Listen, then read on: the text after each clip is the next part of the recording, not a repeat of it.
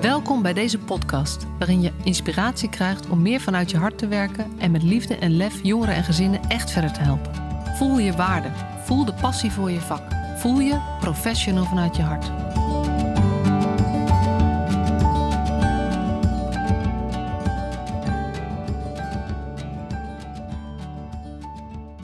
Ja, welkom weer bij deze nieuwe aflevering van de Professional vanuit je hart podcast. Ik ben Marcia Struik en vandaag ga ik in gesprek met Greet Vonk. Hi. En, uh, hi. Uh, het is heel leuk, want Greet en ik kennen elkaar eigenlijk niet. We hebben elkaar natuurlijk heel even gesproken van tevoren. Maar uh, we kwamen elkaar tegen op LinkedIn. En Greet heeft samen met, met Anja Jonkind een boek geschreven over posttraumatische groei. En die titel intrigeerde mij heel erg. En zeker ook de ondertitel. Want dat is namelijk sterker door ellende. En uh, het leek mij heel erg leuk om daar gewoon met elkaar over van uh, gedachten te wisselen. Dus uh, dankjewel dat je, dat je de uitnodiging hebt aangenomen. Nou, heel graag gedaan. Ja, ja ik vind het heel leuk. Ja, um, de vraag die ik als eerste stel aan de, de gasten in mijn podcast is: um, Ben jij een professional vanuit je hart?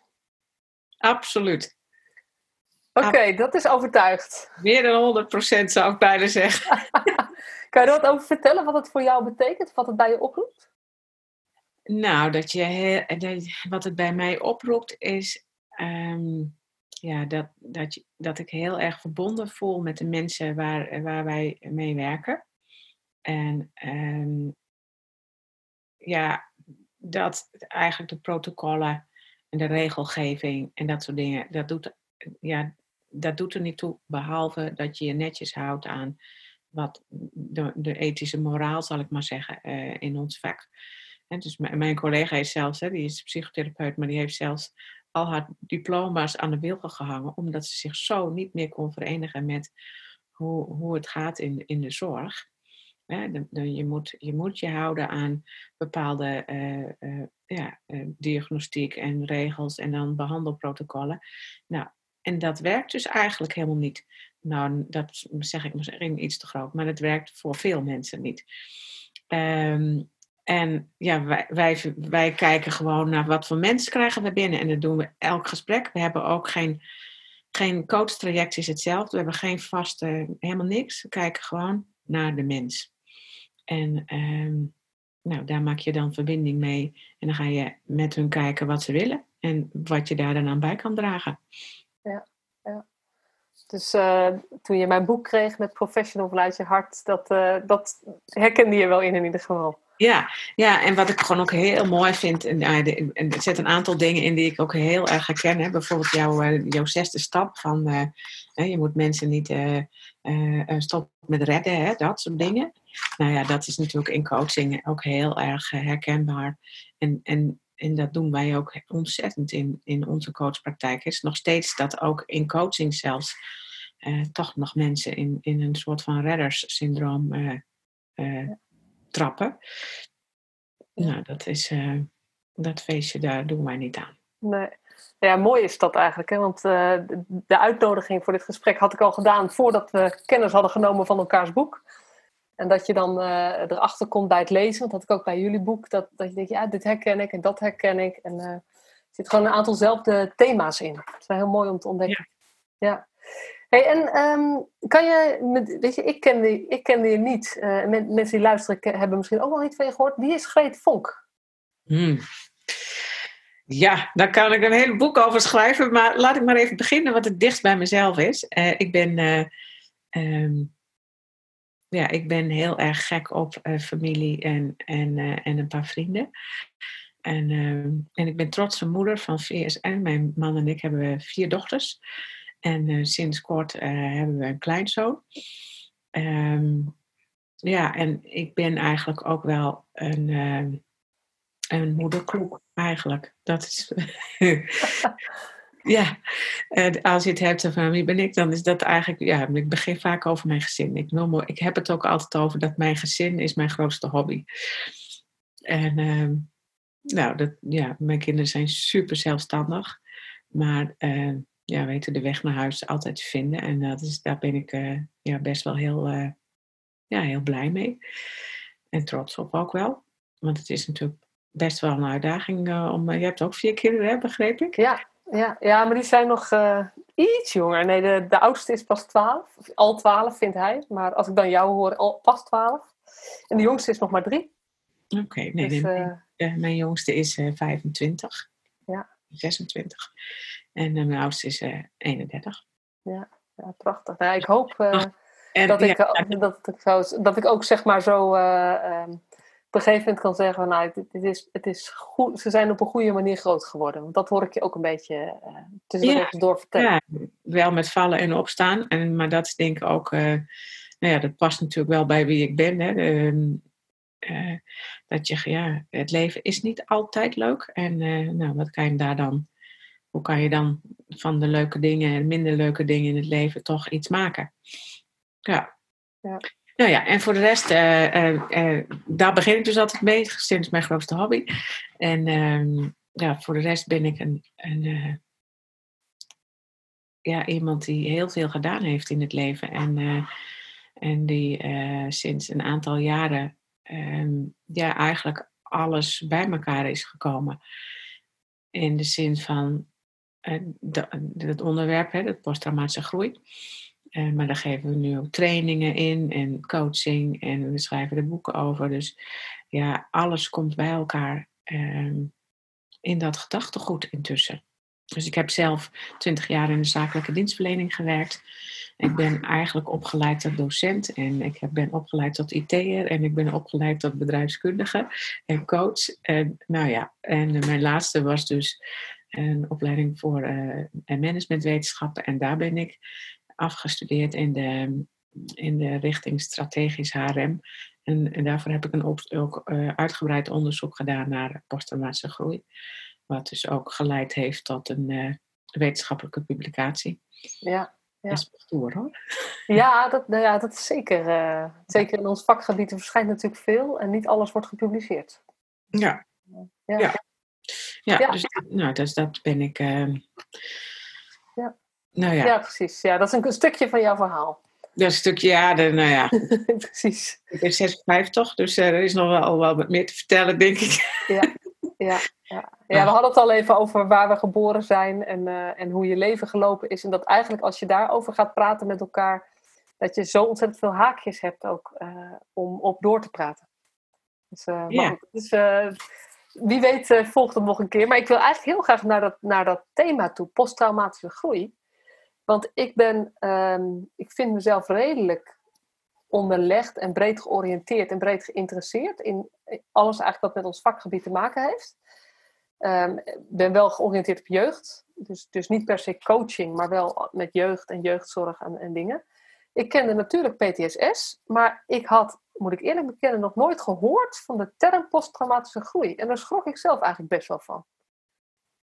Ja, nou ja, dat is eigenlijk ook waarom wij dit, uh, ja, het is eigenlijk de missie van, van Anja, mijn collega en ik, om, om dit groot te maken. Anja werkt al 40 jaar hè, vanuit deze principes. Ik heb het jaar zelf een jaar of twintig geleden van haar geleerd. En toen ik 2006 zelfstandig werd, ben ik het ook gaan gebruiken. Nou, en toen is het balletje aan het uh, rollen gegaan dat ik ook wetenschappelijk onderzoek ging doen. Wij wisten toen ook nog helemaal niet dat het zo heette. Dat er een wetenschapsgebied was. Dat wisten we gewoon niet. En um, maar, maar dat heeft toch een beetje te maken met. Ehm, ja, ik ben er heel erg ingedoken. En, en wat je ziet is dat door het systeem zoals wij dat hebben in de zorg, dat je vooral moet kijken met z'n allen naar welke klachten hebben mensen en hoe ga je dat dan diagnosticeren en vervolgens die klachten behandelen. En, en daardoor kijk je gewoon heel erg naar de, ja, naar de klachtenkant in plaats van naar de krachtenkant. Ja, en ja, dat is ontzettend jammer, want wij merken nu, ook nu, nu ons boek is uitgekomen, maar daarvoor ook al in onze praktijk, als je dat wel doet, naar de krachtenkant kijkt uh, van mensen, uh, dan gebeuren er echt bijzondere dingen. En, uh, nou ja, en, en, inderdaad onbekend maakt onbemind. Dus ja, dan, als je het niet weet, kan je er, dan doe je er ook niks mee. Dus nou ja, vandaar dat wij zoiets hadden van, nou, dit, dit willen wij, hier willen wij wel iets mee, omdat daar zoveel mensen mee geholpen kunnen worden. En de, de reacties op ons boek nu zijn, zijn ook echt heel bijzonder. Echt, we krijgen regelmatig kippenvel van verhalen die we horen van mensen die, ja, dan zo in één keer in een andere mindset komen of een ander idee krijgen hoe ze met hun situatie om kunnen gaan. Of hun ellende anders gaan, ja, er anders naar gaan kijken. Ja. ja. Want kan je, kan je, je kan dat, zou je, zou je willen uitleggen wat posttraumatische groei, wat dat is, waar het voor staat? Ja. Ja, nou het is dus eigenlijk een beetje inderdaad een tegenhanger van posttraumatische stress. Hè? Wat, jij, wat jij zegt, die term kent inderdaad bijna iedereen en groei kent bijna niemand, posttraumatische groei. En ja, waar, waar het over gaat is dat je um, groeit van de ellende in je leven. En het is een hele mooie uitspraak, hè? What doesn't kill you makes you stronger. Nou, eigenlijk gaat het daarover. Uh, Alleen, ja, die gebruiken mensen uh, gewoon een beetje te pas en te onpas. Maar in de werkelijkheid kan dat dus gewoon overal bij. Ehm, en wat je dan ziet gebeuren is dat mensen... Nou, je, hebt eigenlijk vier essenties die, uh, waarmee wij het eigenlijk altijd beschrijven. Eén is dat mensen ehm, ja, werkelijk emotionele en positieve psychologische veranderingen ervaren. Twee is dat dat een, echt een transformatie tot uh, effect heeft. Hè? Dus, echt van dat mensen een echte grote stap maken in hun persoonlijke bewustzijn, persoonlijke ontwikkeling. Vergelijkend met rups naar vlinder. Hè? Dus dat, dat je ook niet meer teruggaat. En drie is dat ze in zo'n proces um, heel erg hun gekende en ongekende uh, potentieel leren herkennen, erkennen en hanteren. En de vierde essentie is dat zo'n proces altijd met vallen en opstaan gaat. Ja. En ehm, wat je dus eigenlijk ziet gebeuren als je die vier bij elkaar optelt, is dat mensen uiteindelijk daarna, uiteindelijk, hè, want het is natuurlijk een heel positief gedachtegoed, maar ehm, uiteindelijk kan dat ehm, ja, tot, tot, tot groei uh, realiseren. En, en het woord uiteindelijk zeg ik heel bewust erbij. Omdat ja, ellende is wel ellende. Soms krijg je mensen die iets zeggen dan tegen je als je iets naast meenaakt in je leven van uh, nou, de, de, de, je zult er wel beter uitkomen of je groeit ervan of wat dan ook. Nou, dan, dan geef je iemand ook wel een beetje een, zo nu een slag in zijn gezicht. Ehm, dus wij zeggen altijd, ja, ellende blijft wel ellende, maar door die ellende, door, door, door het worstelproces, ehm, ja, kun je uiteindelijk uh, jezelf zodanig transformeren, je eigen kwaliteiten zo uh, anders leren, herkennen uh, of gebruiken, zo anders in het leven gaan staan, dat je het gevoel hebt inderdaad dat je een hogere kwaliteit van leven hebt dan voor de ellende. Ja. Ik vind, het, ik vind het echt heel mooi klinken. En ik, ik schreef al even naar jou. Hè. Ik herken ook wel veel van mijn eigen proces in dat, uh, in dat boek. Um, maar even terug nog. Het is een soort tegenhanger, kan je zeggen, van posttraumatische stress. En nou kennen we de term posttraumatische stress vooral van PTSS. Dus posttraumatische stressstoornis. En nou heb ik zomaar het vermoeden dat je daar iets van vindt. Van de posttraumatische stressstoornis en die diagnose. Nou, nou, op zich vind ik, kijk, dus, er is ongetwijfeld, uh, er zijn mensen die dat echt, uh, die, die, als je zoveel ellende meemaakt, als je echt veel ellende meemaakt, dan heeft dat gewoon ook heel veel invloed. En dat is gewoon zo, dat zeggen wij ook. Alleen, dat hoeft geen blijvende situatie te zijn.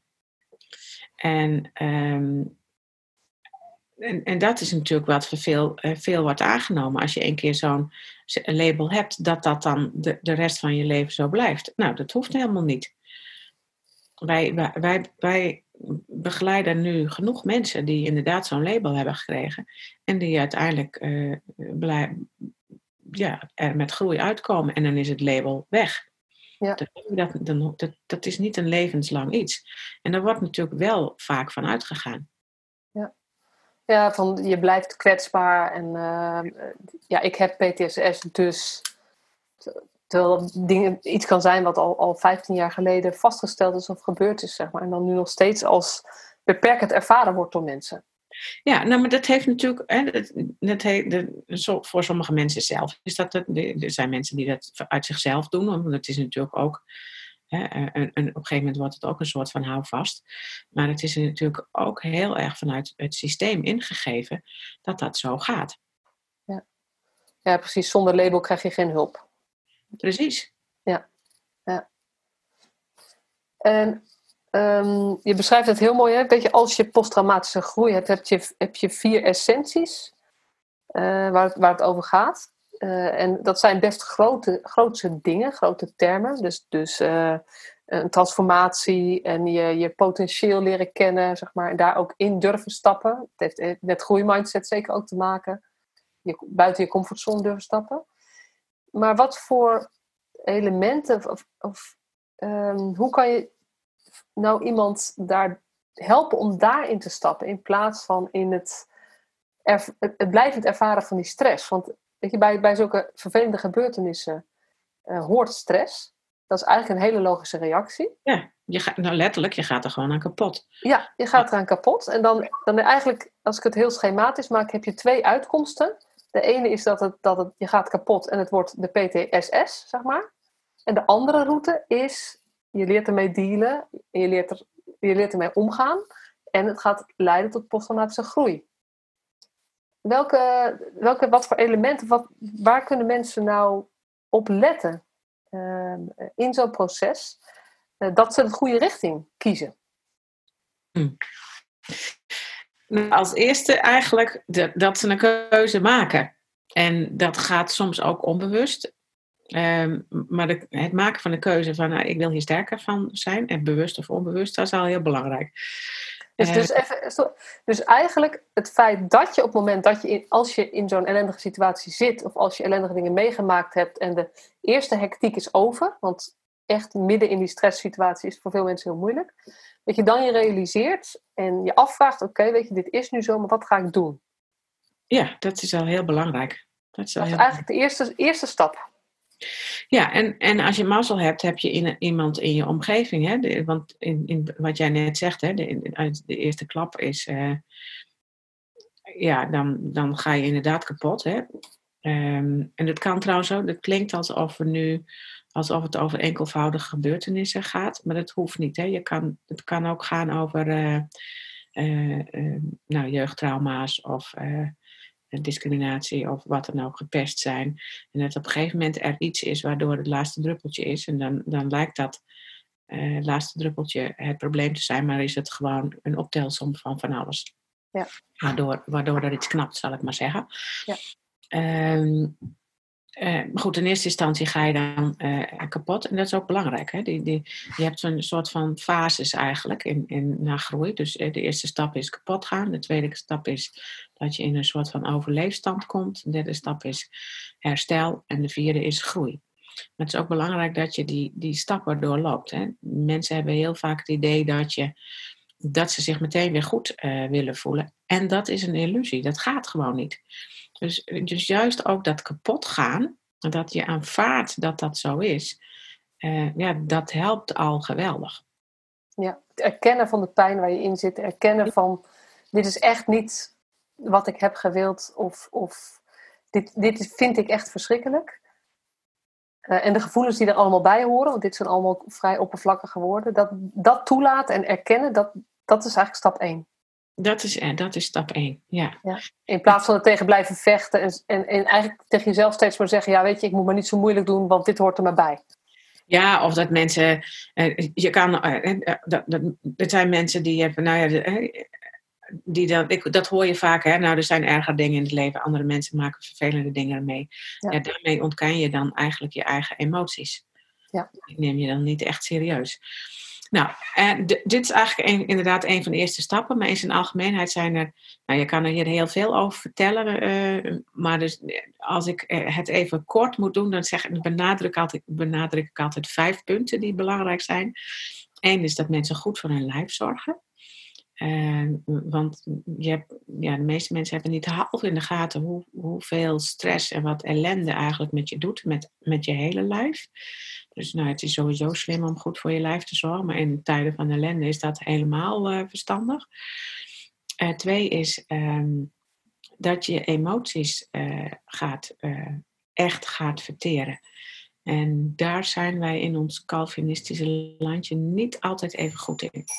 Dus wat wij veel doen is praten over emoties. Maar werkelijk emoties uiten is een andere tak van sport. En, en dat is wel echt belangrijk. En ehm, nou, dat, dat leg ik altijd uit met, met een metafoor, waardoor mensen in één keer het snappen. En, en we hebben zo'n metafoor van hè, eh, emoties moet je net als brood verteren.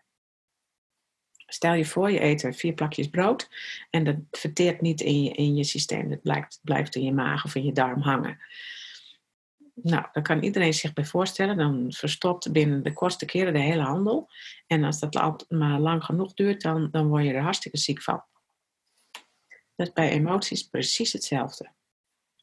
Als je die niet verteert, dan verstopt de hele handel. En als je niet oppast, word je er echt ziek van. En dat is ook wat er gebeurt. Ja. Nou, dat is ook waarom bijvoorbeeld mensen met PTSS, hè, maar ook met hele, eh, heel veel chronische klachten, hebben toch ook hier wel iets mee te maken. Hè, dat mensen uh, ja, dingen opslaan. Uh, um, lichaam is geest, geest in één, zullen we maar zeggen. Ja. Um, ja. Nou, dus, dus dat moet je dan dus werkelijk verteren. En, en, en, en verteren is hetzelfde als uiten. Dus als je uh, over emoties hebt, dan moet je ze uiten. Dus als je verdrietig bent, huil dan ook. Als je boos bent, doe er iets mee. En, en dat is iets anders dan erover praten. Nou, En kan je dat, ik weet je, dit is, uh, ik vind het leuk om het wat persoonlijk te maken. Ben jij iemand die dat altijd, ben jij iemand die makkelijk emoties uit? Van ja. nature? Heb je dat altijd gehad? Nou, ik, nee, dat is niet helemaal waar, want ik heb wel moeten leren. Ik ben bijvoorbeeld uh, het, het, de emotie boosheid. Huilen kon ik altijd wel. Maar de emotie boosheid, boosheid, dat, ehm, dat heb ik gewoon niet geleerd vanuit huis uit niet. Uh, ik had gewoon een hele liefdevolle moeder en, en die, die, die, ja, die, die kon daar zelf ook niet zo heel veel mee. Dus uh, er werd veel in, in harmonie gesust, zal ik maar zo maar zeggen.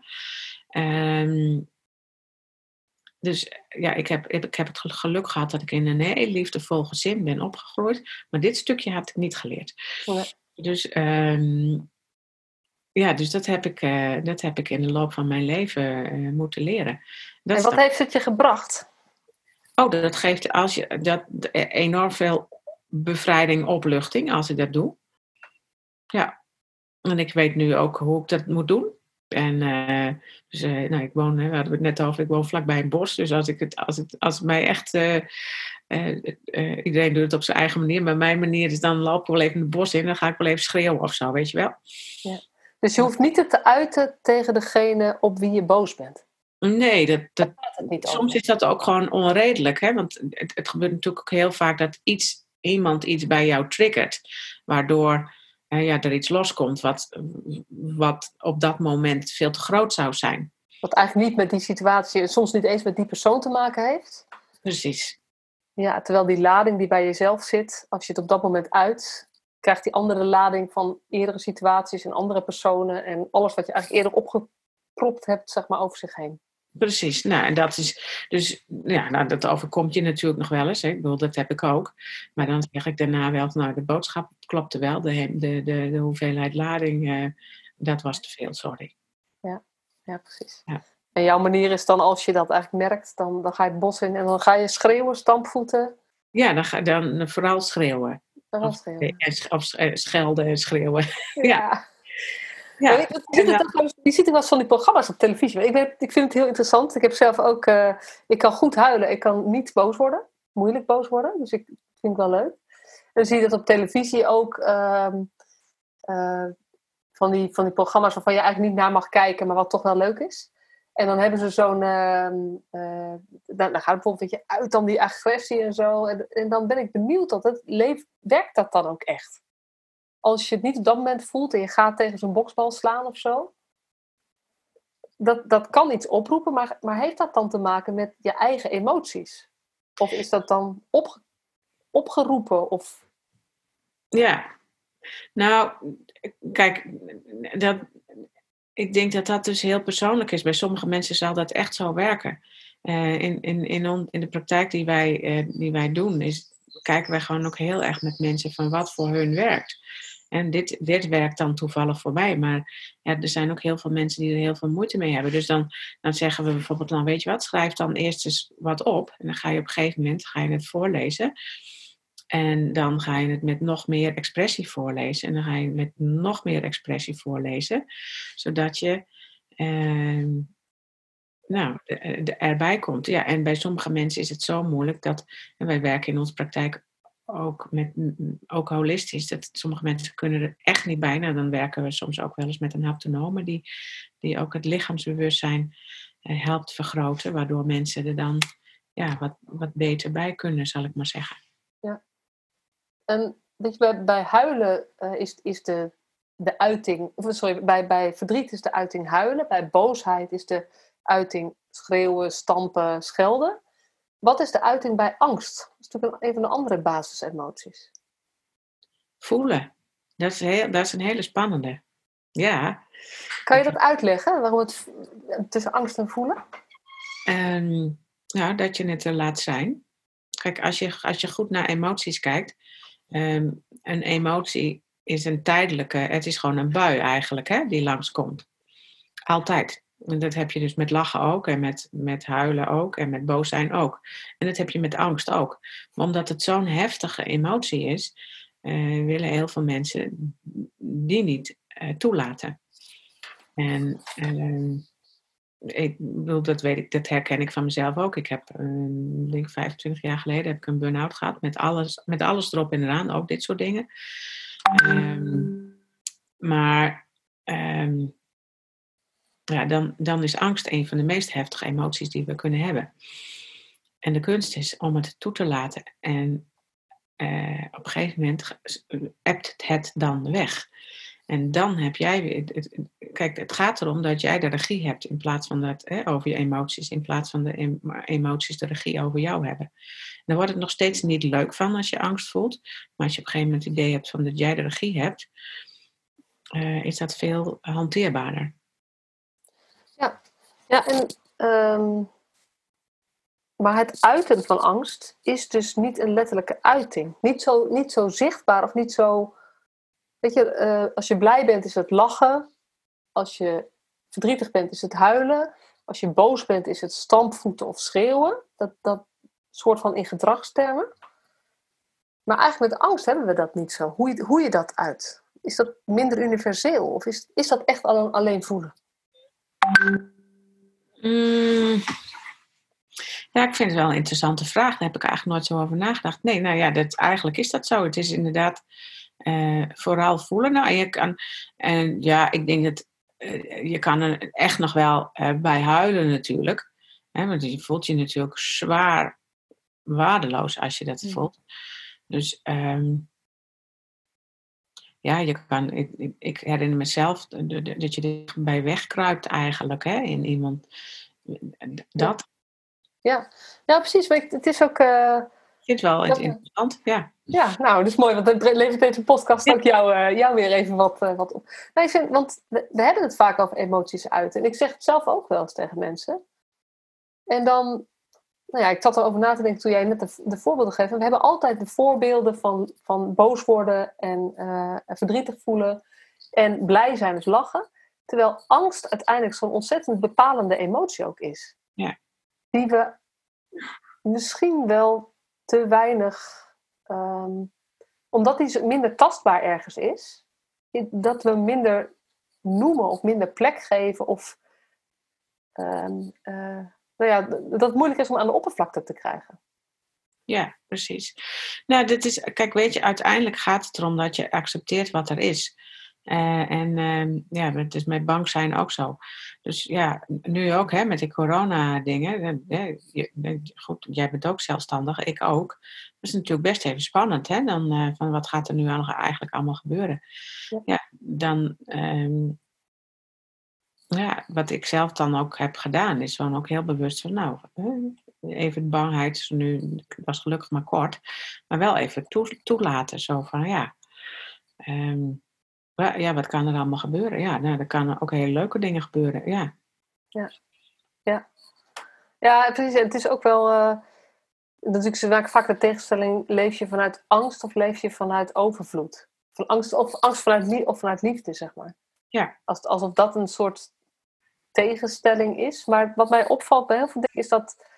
angst is volgens mij heel bepalend voor ons wel of niet handelen en voor ons wel of niet ook zo'n proces van posttraumatische groei in durven gaan. Het heeft iets te maken met het, met het uh, aankijken van je eigen angst. Ja, ja dat je die letterlijk en, en, en ook, ook, ik zat vorige week in een podcast met, ook over trauma. En dan zei de host van um, dat je, dat je die, die, die, het letterlijk in de bek aankijkt, zeg maar. Ja, ja, nou, Dat, dat is wat het is. Ja, ja, ja. En, en dat het zeg maar, um, zoveel moeilijker tastbaar is. Hoe je, hoe je dat moet doen. Want ik ben nooit, ja, zeg nooit nooit, maar volgens mij ben ik relatief gezien veel dingen aangegaan die ik tegenkwam in mijn leven. Maar dat is niet mijn verdienste of zo. Dat is, dat is gewoon hoe het bij mij werkte. Ja. En dan zie ik bij andere mensen, of die hoor ik praten, en die, en, en die zeggen dan ook wel van dat ze bang zijn om dat aan te gaan. En dan weet ik ook niet zo goed wat ik moet zeggen. Omdat ik alleen maar denk, ja, als je het aangaat, kan je er mooier uitkomen. Als je het niet aangaat, blijft het zoals het is. En dan weet ik eigenlijk niet zoveel, niet zoveel meer dan dat te zeggen. Omdat het voor mij zo vanzelfs, ja, niet altijd, maar toch redelijk vanzelfsprekend is om de dingen aan te gaan. Ja. In plaats van me door die angst te laten leiden. Ja, nou ja, dat, dat, dat snap ik wel. Nou ja, wij hebben daar, daarom, ik weet niet of ja, je hebt het boek al een beetje gelezen, hè? Ja. Uh, we, hebben, we beginnen ons boek met een, een, verhaal over een cadeautje in prikkeldraad uh, ingepakt. En dat is om, om eigenlijk deze reden, hè, dat je mensen even in een andere um, ja, mindset zet van, uh, ja, ja het, het, het is een cadeautje als je die ellende uiteindelijk uitpakt. Maar je moet helaas wel door de prikkeldraad heen. Maar daar, dat is toch wel een hoopvolle metafoor op die manier. Maar wat doe je nou als mensen, als je merkt dat mensen dat prikkeldraad gewoon te eng blijven vinden? Of eigenlijk zeggen, ja, maar dat, dat, dat prikkeldraad, dat, dat wil ik gewoon niet.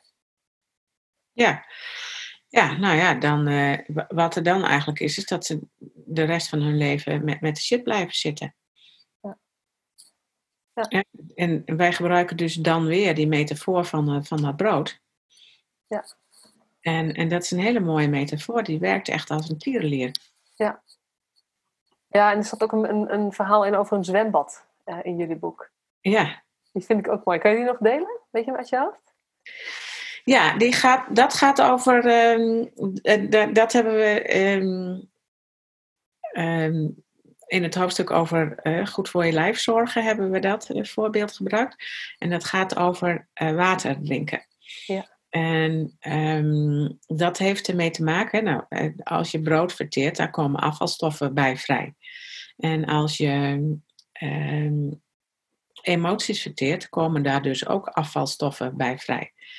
En het is slim om die af te voeren. En als je dat dus niet doet, ja, dan blijft dat dus in je lijf. En dat vergelijken we dan inderdaad met een zwembad. Als je als je, je zwembad, eh, ons lichaam bestaat voor iets van 60, 70 procent uit water. En als je je zwembad in je tuin eh, niet verschat of eh, niet aanvult, ja, dan eh, kun je er op een gegeven moment niet meer in zwemmen. Of het is een hele vieze boel geworden. Ja. ja, dat gebeurt dus eigenlijk ook met je lichaam. Ja, ja. Ja, nou mooi. Maar dan kunnen we ook weer terug naar het rijtje waar je mee begonnen was. Want eerst was zorg voor je lijf. Mijn kapstokje gemaakt. Ja, dat is helemaal goed voor jou. uh, zorg voor je lijf. Emoties verteren of uiten. Ja. Kan jij hem vast oppakken? Ja, dat kan ik. Um, dat je heel goed kijkt naar je krachten en je kwaliteiten.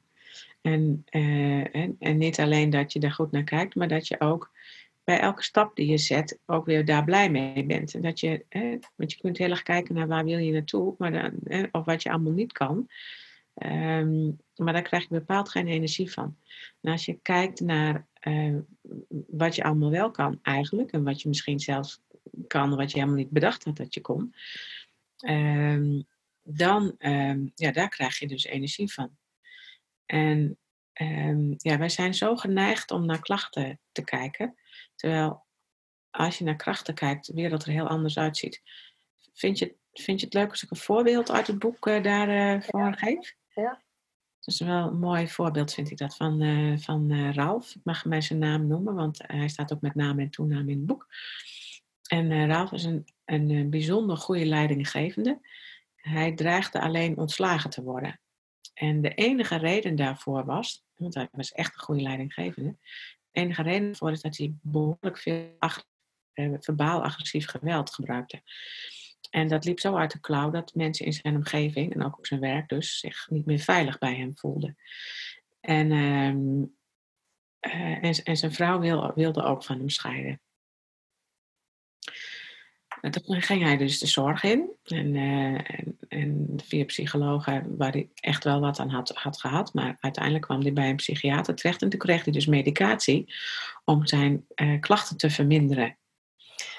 En, uh, maar daar was, daar was Ralf uiteindelijk heel ontevreden over. Want hij kreeg bijwerkingen en de klachten waren wel wat verminderd. Maar niet, niet goed genoeg om zijn baan te blijven houden. En daarnaast had hij echt zoiets van op een gegeven moment dat hij zichzelf gewoon niet meer herkende. Nou, via een collega kwam hij toen uiteindelijk bij ons in coaching. En in het eerste gesprek hebben we al tegen hem gezegd: uh, Ralf, die, die, die kracht, hè, die, die, die, hè, die agressie van jou, is eigenlijk ook een hele grote kracht. Jij hebt namelijk bijzonder veel power in huis. Alleen die power hanteert jou in plaats van dat jij de power hanteert. Nou, en zo, en dit is dan een heel eh, duidelijk voorbeeld, maar zo kun je eigenlijk naar heel veel ellende bij mensen kijken. Van ehm, wat is hier nou eigenlijk aan de hand? En wat als ik er nou anders naar kijk? En, wat, nou, en, dan, en dan gaat iemand dus, ja, dus, dus, ja, dat hoef ik echt geen zorgverlener uit te leggen, denk ik. Dan ga je vanuit de positieve kant met iemand anders om. Ja, en dat werkt zo veel beter dan, dan dat iemand iets af moet leren. Ja. Nou, en zo kan je dus, uh, nou ja, dus dat is dat. De, uh, dit is een heel duidelijk voorbeeld, maar er zijn ook voorbeelden waar, waar je wat dieper moet graven. Um, maar je vindt eigenlijk altijd wel iets wat eigenlijk werkelijk de kracht van iemand is en uh, ja, die je dan kunt ontwikkelen of ontdekken. Ja, dat vind ik ook mooi, want in mijn boek maak ik, verwijs ik natuurlijk naar de, uh, de, de nou ben ik de naam vergeten, uh, de uh, krachten, valkuilen um, van Kof, Kofman. Kofman. Nou ben ik zo echt... Oh, de, de, die, ja, ik weet wat je bedoelt. Ja. De kernkwaliteiten. Ja, die, dankjewel. Ja, de, het is wel grappig, want ik was naar het luisteren, toen wist ik het woord, toen was ik weer te veel geluisterd, was ik af. De kernkwadrant. Ja. Uh, dat, dat gebruik ik daar ook als voorbeeld. Dat bijna, bijna alle moeilijk gedrag wat je ziet, ziet is, is, iets, is een te van een kwaliteit. Ja, dat klopt. En als je, als je op die manier bekijkt, dan, dan kan ook juist wat, wat op de buitenwereld probleemgedrag noemt, um, kan je ook omdenken naar van hé, hey, maar daar zit ook je grootste kwaliteit in. En hoe kunnen we nu zorgen dat die kwaliteit de kern wordt en je minder last hebt van die valkuil. En daarbij accepteren dat die valkuil er nou eenmaal af en toe bij hoort. Ja, precies. En, nou ja, en, en dan, zoals in dit geval, hè, bij Ralf was het ook zo. Hè, die staat natuurlijk zo in de zelfveroordeling. Als hij dan weer eens helemaal uit zijn plaat was gegaan, ja, dan trok hij zich terug. En nu, uh, als, hij, um, ja, als hij toch nog een keer in, in de valkuil trapt, zoals jij het zo mooi zegt, ja, dan, dan kan hij dat ook zien als valkuil. En dan biedt hij zijn excuses aan en dan is het ook weer klaar. Ja, ja. ja ik vind het ook echt heel mooi. En ik vind ook dat we daar veel meer eh, op die manier zouden, zouden mogen kijken. En, en, gebruik in trainingen ook vaak met, met de term reframing. Het omdraaien van bepaald gedrag. Dat je bij een joyrider kan je ook zeggen, je bent heel handig met techniek, met auto's. En van een leider van een, uh, zeg maar een, een, een uh, iemand die een uh, mini bedrijf heeft opgezet als drugshandelaar, die heeft absoluut leiderschapskwaliteiten. Yeah. Maar het is maar net hoe je ernaar kijkt en of je er het oordeel in stopt en kijkt naar het negatieve kant van het gedrag of, of hetgene wat iemand doet. Of dat je kijkt naar dit gedrag is in ieder geval opvallend, dus er zitten kwaliteiten in. En laat ze dat als, als aanvliegroute gebruiken. Ja, precies. Ja, en dat, en, en, en dat werkte echt wel heel goed als je dat zo doet. En dat, en dat, heb, nou, dat is dan, dan doe ik nu het bruggetje naar de, naar de vierde. Wij vullen elkaar heel mooi aan. Geweldig, ja. Dat is, eh, de, de omgeving. De mening van een omgeving is super belangrijk. Hè? Want als mensen midden in de ellende zitten, ja, dan is het, dan is het natuurlijk wel. Ja, dan zijn, zijn ze wel uh, uh, ja, echt aangeslagen. En, en heel kwetsbaar. En de mening van een omgeving is op dat moment heel belangrijk. En als een omgeving dus inderdaad eh, tegen je zegt van nou, hè, je blijft de rest van je leven hier last van houden, ja, dan geloof je dat dus op zo'n moment. Ja. Uh, want je bent super kwetsbaar. Um, terwijl als een omgeving zegt van ja, dit is nu, hè, je, je, bent nu echt aan het kapot gaan, maar dat is de eerste stap in, in, uh, in, het, in dit proces. Um, dan ziet de wereld er heel anders uit. Ja. Dus als omgeving creëer je de self-fulfilling prophecy. Juist. Ja. En het is wel mooi, want er, luisteren veel professionals, jeugdprofessionals, uh, naar mijn podcast. Um, dus dit is wel een belangrijke boodschap voor hen ook. Ja, nou ja, ik denk dat dat, dat in de hele, nou, ook in jeugd, hè, maar in de hele gezondheidszorg, maar ook in bedrijfsleven is dit zo belangrijk. Als je nu kijkt van, hè, ook met, met al, als mensen psychisch, emotioneel gerelateerde klachten hebben, en dan is dat, hè, bijvoorbeeld in het bedrijfsleven, is dat gedoe. Hè? Terwijl je er ook naar kunt kijken als van, nou oké, dit is... Ehm, dit is een nare periode voor iemand, maar het is ook een enorme ontwikkelingspotentieel kans. Ontwikkelingskans. Uh, en, en alle, alle bedrijven of alle organisaties zijn altijd bezig met de ontwikkeling van iemand. Nou, als je ergens ontwikkeling kunt doen, dan is het in tijden van ellende. Ja, mooi. En laten we daar nou zo naar kijken. Want dat helpt enorm. Want dan gaan mensen, als ze als je dit nou in een cultuur zou kunnen inbedden in een organisatie, dan gaan mensen ook zich veel eerder uitspreken als ze het even moeilijk hebben. En je hoeft niet helemaal onder in de put te komen om wel die groei te kunnen realiseren. Ja. ja, en ik vind het heel mooi, want het haakt aan twee thema's die spelen, in ieder geval in de jeugdsector. En ik denk veel breder, maar weet je, ik wil niet uitspraken doen over sectoren die ik minder goed ken. Mm want dit gaat over hoe kijk je aan. In, in onze sector is, is bizar hoog uh, uh, ziekteverzuim, uh, stress eh, en burn-out gerelateerde klachten. En veel verloop die daar ook mee te maken heeft, zeg maar. En wat jij nu zegt, is ja, ja dat, we zouden daar ook, weet je, we moeten dat naar beneden krijgen, maar dat is ook eigenlijk ergens ontkennen dat het bestaat. En als ik goed geluisterd heb naar wat jij zegt, is het begint bij erkennen dat het bestaat en vervolgens het zien als ontwikkelingskans. Precies. Het is wel grappig dat je er nu over denkt, maar mijn, mijn collega die is uh, directeur geweest van een eh, GZ en GGZ, uh, erkende instelling. Nou, en wat jij nu zegt, hè, de, de, de, de, in de zorg zijn de ziektes- en verzuimcijfers bizar hoog. Zij werkte op, met dit principe, ook in haar eigen bedrijf, hè, want ze werkte al heel lang zo. Die had een ziekteverzuimcijfer onder de 1%. Zo. Gewoon door op deze manier met mensen om te gaan. Dus ook iemand die, uh, nou, een voorbeeld van iemand die verloor plotseling een broer. Heel plotseling. En uh, ja, daar kan je dan een heel protocol op loslaten. Maar je kan ook tegen zeggen van, weet je, je voel je helemaal vrij. Als jij komt, kom je. En als je niet komt, kom je niet. Voel je helemaal vrij. Wanneer je zin hebt, ook al ben je meer vijf minuten en je hebt geen zin meer, dan ga je naar huis. Daarmee erken je de pijn van iemand, maar ook dat, dat hij of zij behoefte heeft aan wat op dat moment, eh, wat hij of misschien heeft hij wel zin om te werken. Nou, en je geeft iemand volledig de regie en daarmee houdt hij ook verantwoordelijkheid over zichzelf. Precies. Dat, daar zie ik de, de link ook weer met dat stoppen met redden uh, stuk wat ik in mijn boek schrijf. Dat we elkaar ook gevangen houden en dat we allemaal aan de ene kant voor elkaar proberen te zorgen en aan de andere kant uh, ons slachtoffer voelen en andere slachtoffers. Weet je, dus. En dit is een voorbeeld van dat je tegen iemand zegt: Ik ga, weet je, dit is gewoon een klote situatie. Dat zie ik, ik zie jou. Uh, en ik geef jou de ruimte om te doen wat voor jou goed is. Precies. Ja, ja en, en bijkomend voordeel daarvan is dat je leert je, leert je op die manier natuurlijk ook ja. kennen.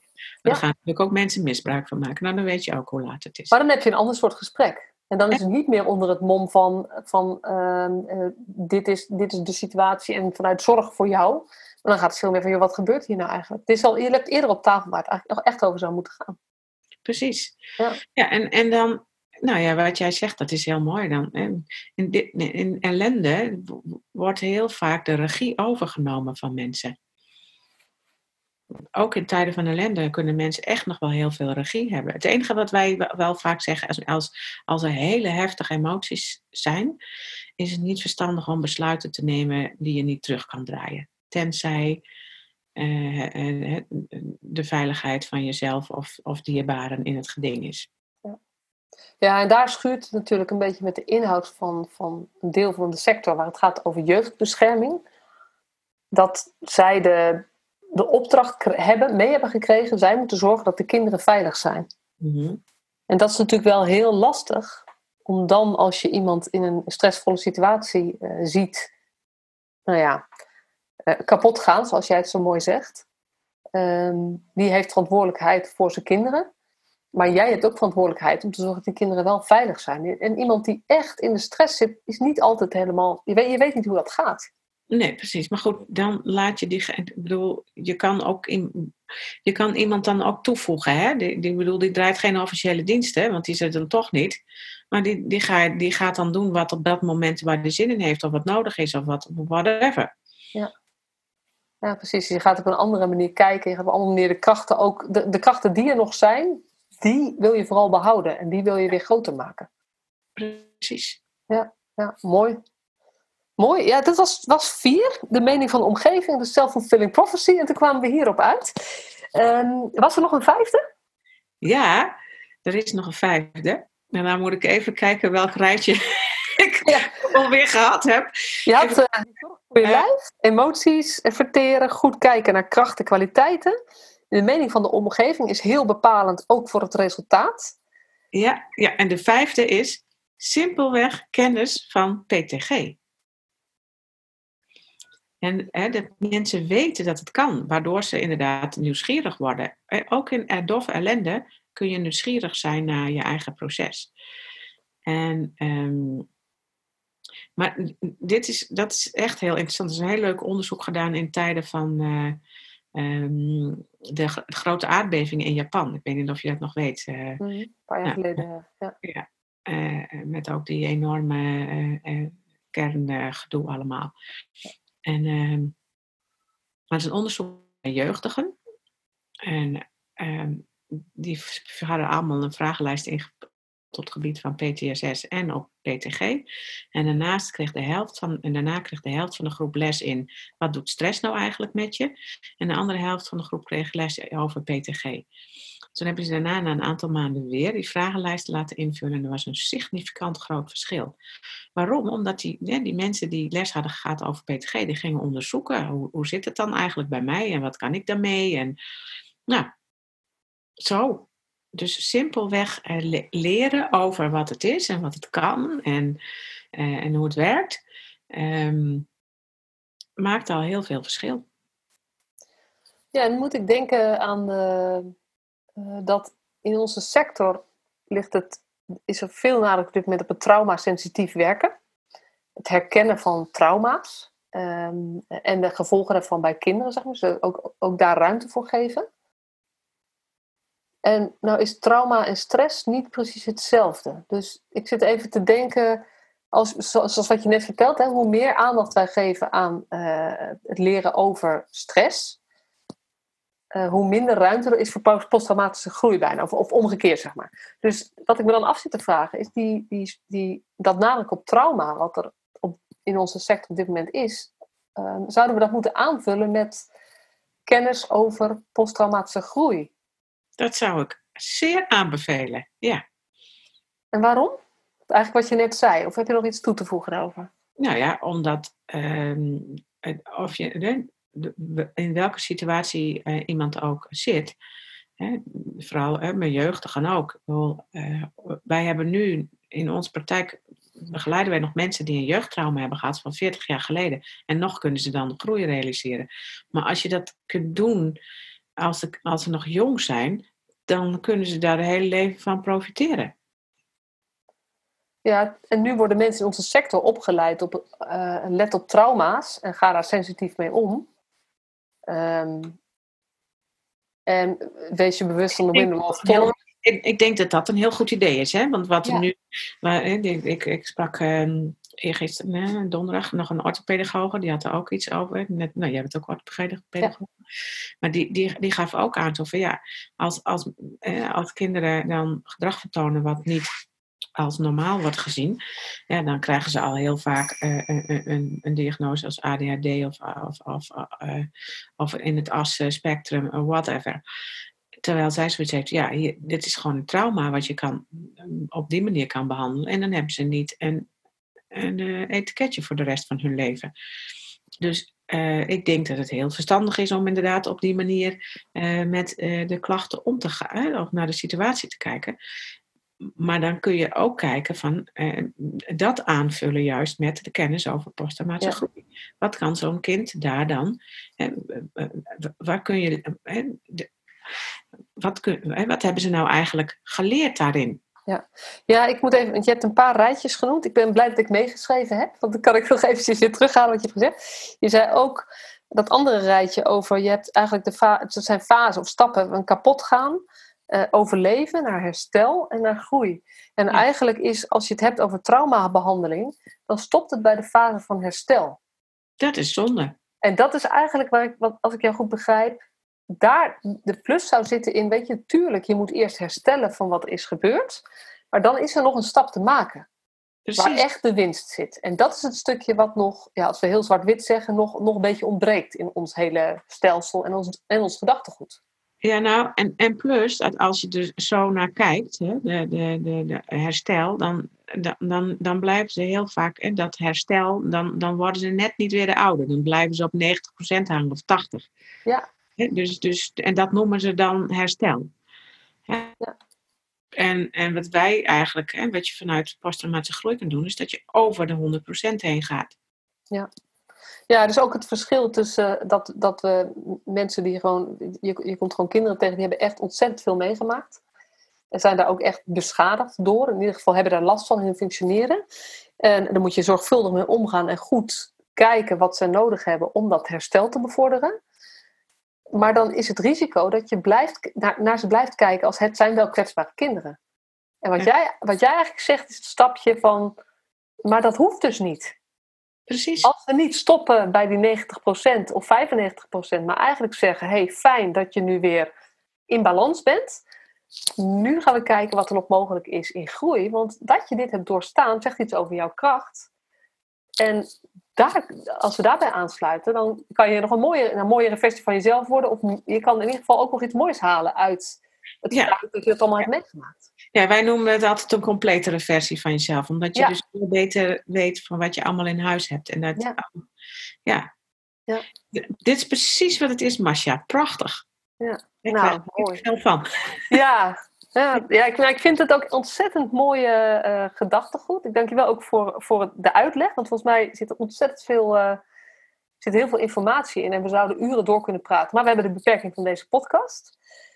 Um, en het is wel, je, ik ben zelf ook al bezig met de positieve psychologie. Er zit natuurlijk hetzelfde gedachtegoed onder. Ik had uh, de vorige podcast was met, met Maurits Boten, ervaringsdeskundige. En daar kwamen we ook tot de conclusie, eigenlijk moeten we meer aandacht hebben voor de kwaliteiten van nou ja, jongeren of ouders, of wie, met wie ook tegenkomt, iedereen die, die cliënt genoemd wordt. We kunnen ook meer kijken naar, naar, naar kwaliteiten. En, en vandaag uh, met jouw uitleg over, over groei, leg je nog extra nadruk erop wat het kan betekenen als we juist bij de misschien wel wat wij kwetsbaarste kinderen Ehm, of ouders. Want weet je, ouders die hun kinderen uh, niet kunnen opvoeden, niet, niet, voor ze kunnen zorgen, daar zit ook een heel verhaal achter. Uh, daar is nog meer winst te halen als we niet meer alleen maar kijken naar herstel. Maar als we eigenlijk zeggen, nee joh, weet je, mensen die dat doorstaan hebben, hebben gewoon mogelijkheden. En laten we op zoek gaan naar die mogelijkheden. Exact. Ja, ja ik vind het prachtig, dankjewel. Ja. Heb je nog iets, uh, iets toe te voegen aan deze aan het verhaal uh, of aan, aan überhaupt uh, iets wat je van tevoren had bedacht dat je graag wilde zeggen? Nee, ik ga er altijd heel open in. Ja. En, uh, en ik denk dat nou, het gedachtegoed. Um, ja, ik denk dat, dat dat heel mooi aan de orde is gekomen. En nou ja, als mensen er meer over willen lezen, dan, dan kan dat. En we geven ook workshops voor zorgprofessionals. Dus um, Ja. Nou, om, om, om handvatten en zo te bieden om, om dit soort dingen te leren. Ja. Ehm, nou ja, en onze missie is eigenlijk, nou, en, en daar ben ik blij dat je mij hebt uitgenodigd.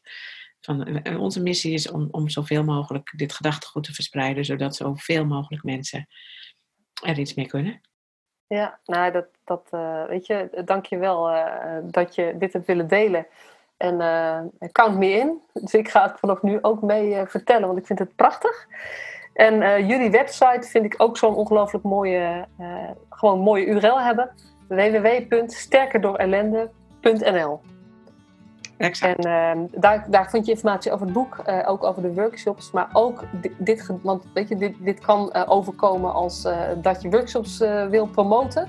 Maar het gaat echt over, weet je, laten we nou eens verder kijken en, en mensen bekrachtigen. Er staat mooie informatie op en kunnen jullie nader kennis maken met, met wat jullie allemaal doen. Dankjewel. Heel graag gedaan. Oké. Okay. En bedankt. Ja, dan ga ik hem uitzetten. Hier zit het knopje. Superleuk dat je weer luisterde naar deze podcast. Dankjewel. Nog even kort een paar belangrijke dingen.